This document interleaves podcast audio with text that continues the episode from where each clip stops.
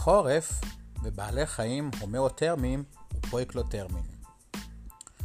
השבוע התבשרנו כי יהיה שבוע חורפי במיוחד.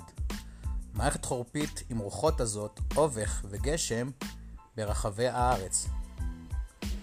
שלג ירד בחרמון, ואולי אפילו בפסגות של ערים גבוהים בערי המרכז והצפון. נשאלת השאלה כיצד בעלי חיים מצליחים להתמודד עם תנאי קור קיצוניים בחורף.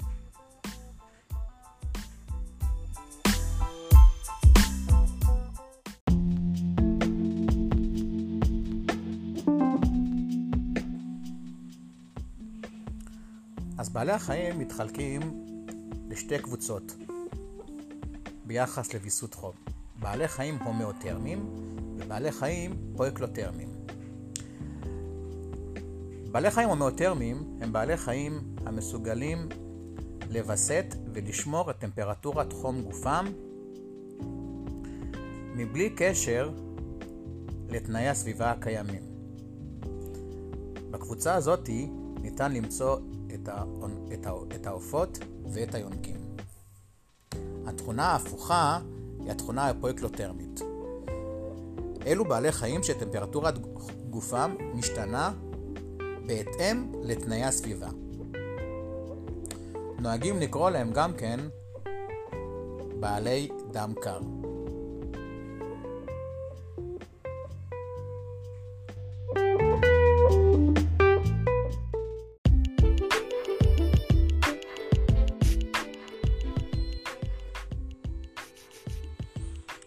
מקור החום העיקרי של היצורים ההומאותרמיים הוא פנימי, כלומר חום שמופק בתהליכים של נשימה תאית. בתהליכי נשימה תאית, שהוא תהליך הפקת האנרגיה, נוצרת אנרגיה לפעילות של הגוף, אבל נוצרת גם אנרגיית חום.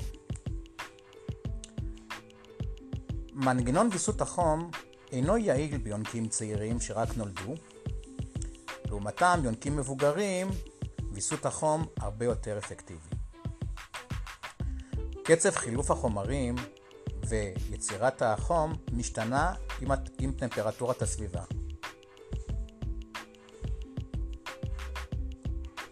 ככל שבעל חיים גדול יותר, כך קטן, קטן יותר קצב חילוף החומרים לגרם ממשקל גופו. משום כך, קצב חילוף החומרים ביונקים קטנים גבוה יותר וקטן עם הבגרות. בואו נעבור עכשיו ליצורים פויקלוטרמיים.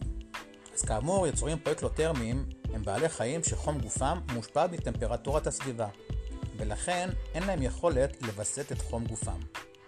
בקבוצה זו נכללים הדו-חיים, הזוחלים, חסרי החוליות, שכמו החרקים וכו'. ולכן בעלי החיים נוקטים בכל מיני אסטרטגיות על מנת להתמודד עם שינויי מזג האוויר. למשל, התאמת שעות הפעילות לתאי סביבה נוחים. בחורף הם יהיו פעילים בשעות האור והחום המקסימלי, שעות הצהריים, ובקיץ, לעומת זאת, הם יהיו פעילים בשעות הלילה המוקדמות או הבוקר המוקדמות. בעלי חיים אחרים נותקים בקבלת חום מהסביבה. למשל, אולי ראיתם חרדונים שמשתצפים בשמש כדי לקלוט חום.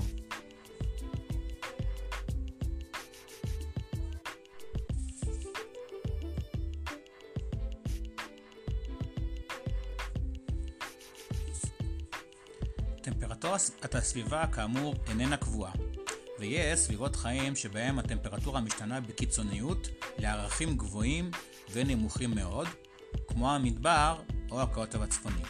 לכן, קיומם של בעלי חיים בכל סביבה תלויה בכושרם לווסת את טמפרטורת גופם ולשמור אותו בטווח מסוים למרות השינויים בטמפרטורת הסביבה. וכאמור, בעלי החיים מתחלקים לשתי קבוצות, כמו שאמרנו, הומאותרמיים ופריגלוטרמים.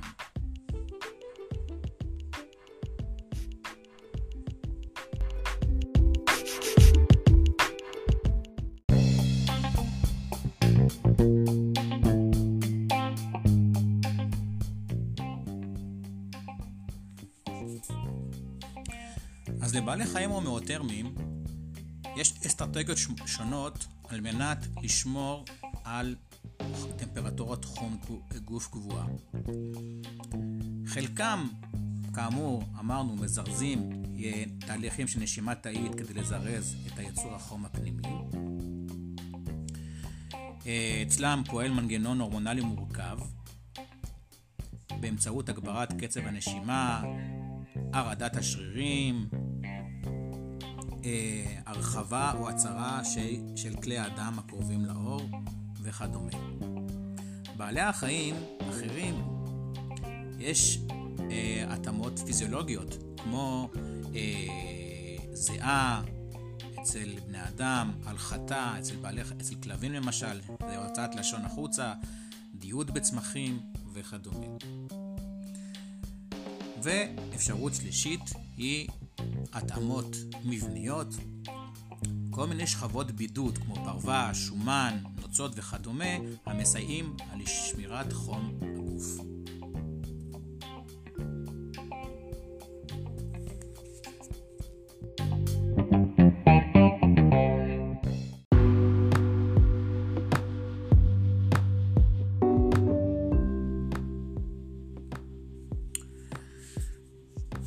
בוודאי שואלים את עצמכם, אז בטח היצורים ההומואותרמיים מסתדרים בצורה יותר טוב מיצורים פויקלוטרמיים. אז מסתבר שיש מחיר להיות יצור הומואותרמי. טמפרטורת הגוף של יצור הומואותרמי היא כמעט תמיד גבוהה יותר מטמפרטורת הסביבה. כן, למשל תיקחו את בני האדם, כן, הטמפרטורה הממוצעת בסביבה היא 25 מעלות, בעוד שבטמפרטורת הגוף שלנו היא 37 אה, מעלות. על מנת לשמור על טמפרטורת אה, גוף קבועה, הם צריכים לייצר חום רב, ותמיד, כן? התנור הפנימי הזה מייצר את החום הזה באופן תמידי. קצב המטאבוליזם בהומואותרמים הוא גדול פי 10, 10 עד 20 מזה של פויקלוטרמים. כדי לקיים קצב מטאבוליזם גבוה כזה, צריך לאכול הרבה. קחו למשל את ההבדל בין נמר ונחש. נמר אפריקאי צריך לאכול כ-25 קילוגרם פעם בשבוע.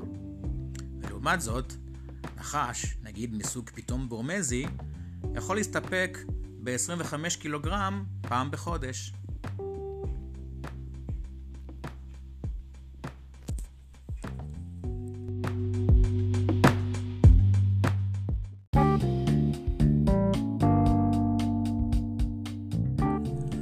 אז כשתתחיל הסערה, כנסו מתחת השמיכה עם שוקו חם וייצרו לרגע וחישבו על כל הבעלי החיים שיושב... שחיים שם בחוץ וכיצד הם מתמודדים עם הקור הקשה. להתראות.